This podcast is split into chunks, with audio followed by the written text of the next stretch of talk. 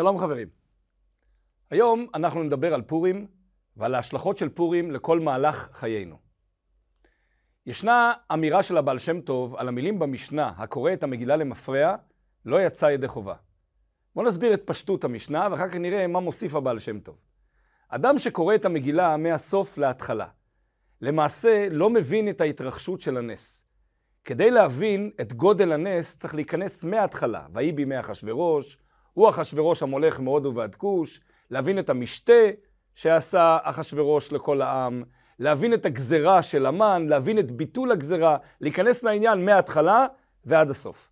אבל אם אני קורא את המגילה מהסוף להתחלה, אז אני לא מצליח להבין את ההתרחשות כמו שהיא קרתה באמת. זאת המשנה בפשטות. בא בעל שם טוב ואומר, הקורא את המגילה למפרע לא יצא.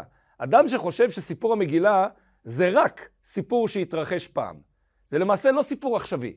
אין לו השלכות לחיי היומיום שלנו. כאילו לא יצא ידי חובה.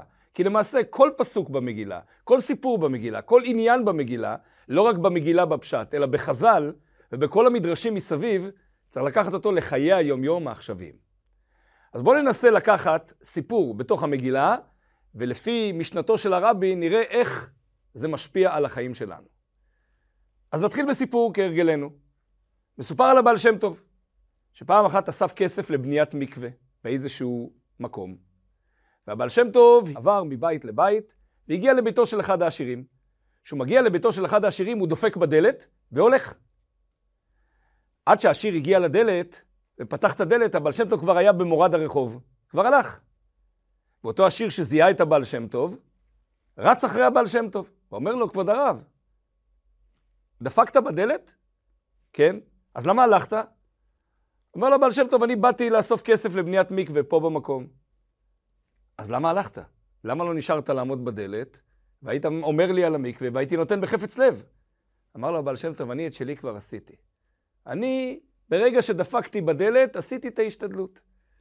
עכשיו, כל השאר זה מתנת שמיים. כל השאר זה מאת הקדוש ברוך הוא. וההשתדלות המינימלית שעשיתי בדפיקה בדלת, היא מבחינתי סוף העניין. וכך היה באמת. שאותו עשיר נתן לו כסף, בנו את המקווה בצורה טובה, בצורה מפוארת, והכל בא על מקומו בשלום.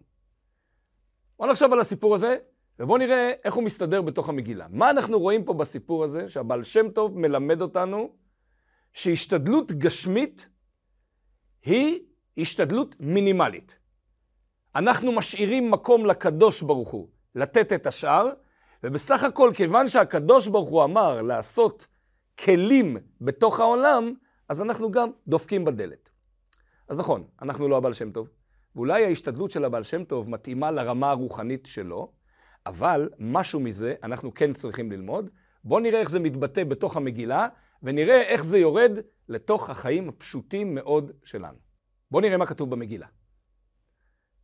במגילה, למעשה, אנחנו קוראים שהמן גזר גזרה. שיחד את אחשוורוש בכסף, וגזרו גזרה. מה הגזרה? להשמיד, להרוג ולאבד את כל היהודים ביום אחד בכל מלכות אחשוורוש. בואו נחשוב רגע על הגזרה, ובואו נראה מה היה מצב היהודים בדיוק באותה תקופה. הגזרה היא הגזרה בה"א הידיעה הכי קשה שהייתה לעם ישראל. זה לא דומה לגזרה של פרעה במצרים, זה לא דומה לחורבן בית המקדש, זה לא דומה לאף אירוע טרגי שהיה לעם ישראל. ולמה? קודם כל, כי מדובר על להשמיד, להרוג ולאבד את כל היהודים. לא מדובר רק על גברים, לא מדובר רק על נשים, לא מדובר רק על טף, כולם. כולם ביום אחד. בכל מלכות אחשורוש. זאת אומרת שאם אחשורוש הוא מושל בכל העולם, אין לאן לברוח. איפה שלא תברח, זה עדיין מלכות אחשורוש. ואיפה שלא תברח, באותו יום כולם אמורים להיות מושמדים. אז אין ליום מסוים שאפשר לברוח אליו, ואין לאן לברוח אליו פיזית. אז למעשה זאת הגזרה הקשה ביותר שהייתה לעם ישראל במהלך כל הדורות. מה המעמד של היהודים באותה תקופה? אסתר היא מלכה. גם זה לא היה בעם ישראל. אף פעם לא הייתה אישה יהודייה שהייתה מלכה. זאת אומרת, המעמד של אסתר בעיני המלך הוא, הוא אבסולוטי, מלכה. מלך אסתר המלכה, איך הוא אומר? מה שאלתך ויינתן לך, ומה בקשתך עד חצי המלכות ותיעש. כלומר, אחשורוש מחבב את אסתר, ובאמת רוצה לעשות מה שהיא אומרת. איפה מרדכי בסיפור? מרדכי יושב בשער המלך, מרדכי מקורב למלכות. זאת אומרת, מרדכי הצדיק, הוא נמצא במעמד מאוד גבוה מבחינת השתדלנות שלו, ואסתר היא מלכה. המצב הטוב ביותר שיש לעם ישראל. ובמצב הטוב ביותר הזה, קורית גזרה קשה ביותר.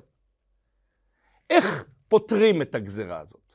איך מנסים לעשות ביטול של הגזרה הזאת? השכל הישר אומר שאם אסתר היא מלכה ומרדכי יושב בשער המלך, בואו נשתמש בכלים האלה, שהם הכלים הכי זמינים והכי טובים שיש, ונעשה שתדלנות, נעשה עסקנות. הנה עכשיו, בכל מלחמת אה, רוסיה ו- ו- ואוקראינה, כל העולם מנסה לעשות כל מיני השתדלויות כדי ליצור הפסקת אש. שם, לכאורה, גם היה צריך לנקוט בשיטה הזאת של שתדלנות פוליטית, למשוך בחוטים, לנסות לקרב את אחשורוש, ולהגיע למצב שאחשורוש מתחרט מהגזרה, מבטל את הגזרה, והכל חוזר על מקומו בשלום.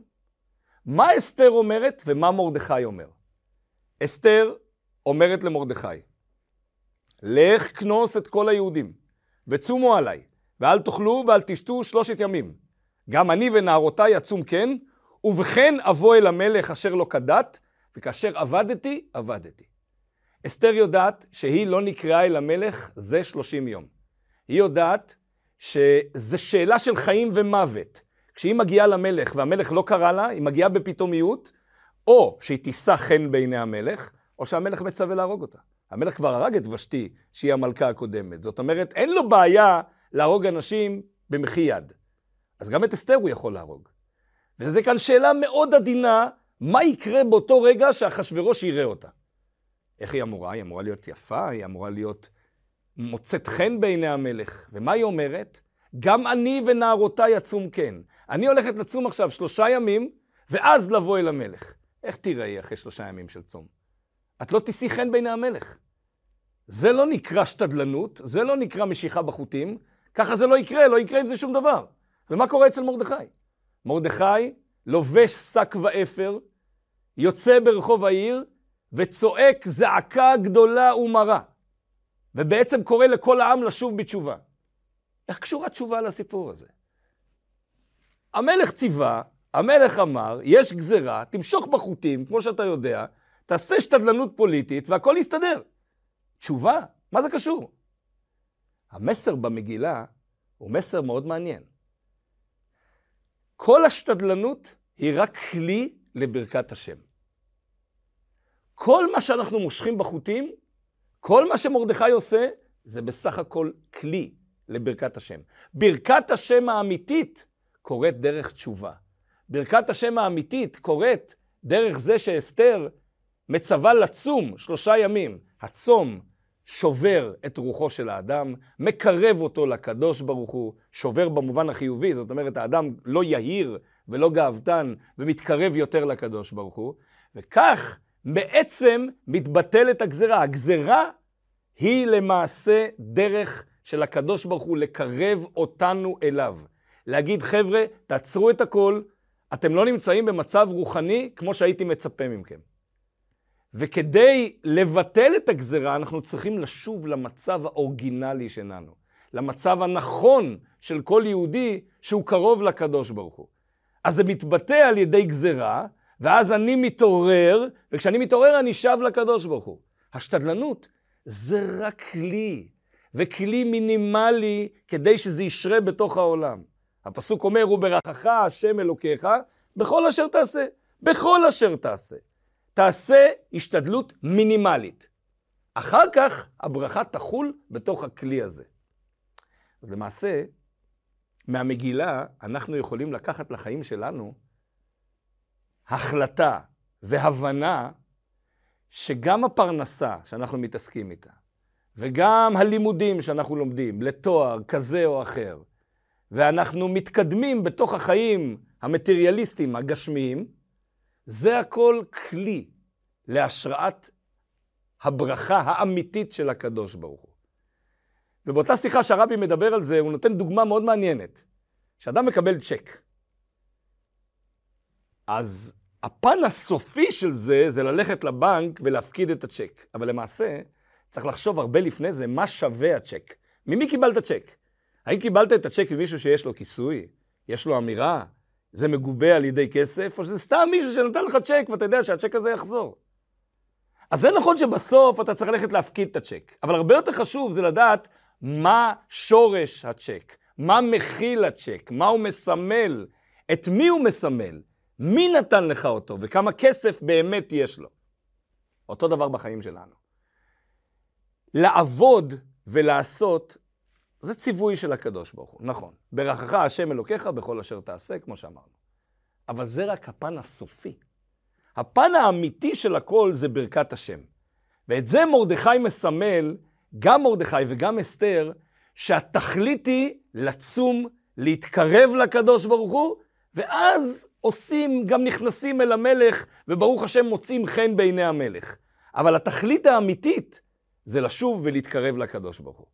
אם התחלנו בסיפור של הבעל שם טוב, שדפק בדלת והלך, אז גם אם אנחנו לא נמצאים ברמה כזו, ואנחנו לא נמצאים ברמה כזו, אז גם אם לא נדפוק בדלת ונלך, גם אם נעשה השתדלות, נכניס לראש לעצמנו את הכלל, שכל מה שאנחנו עושים בתוך העולם, זה רק כי כך ציווה הקדוש ברוך הוא לעשות בעולם. אתה יוצא לעבודה, נכון? הקדוש ברוך הוא יוכל להצניח לך אוצר מן השמיים גם בלי לעבוד. אבל הוא רצה שאתה תלך לעבוד. אתה לומד לימודים לקראת תואר, אותו דבר. כי הקדוש ברוך הוא רצה שזה ירד לתוך העולם בצורה מאוד מסוימת. אבל שלא נשכח מי הוא הנותן באמת. דוד המלך אומר, כי מידך הכל ומידך נתנו לך. הקדוש ברוך הוא שם שתי ידיים ואמר, תעביר את הכסף מפה לפה. למעשה זה גם שורש כל מצוות הצדקה.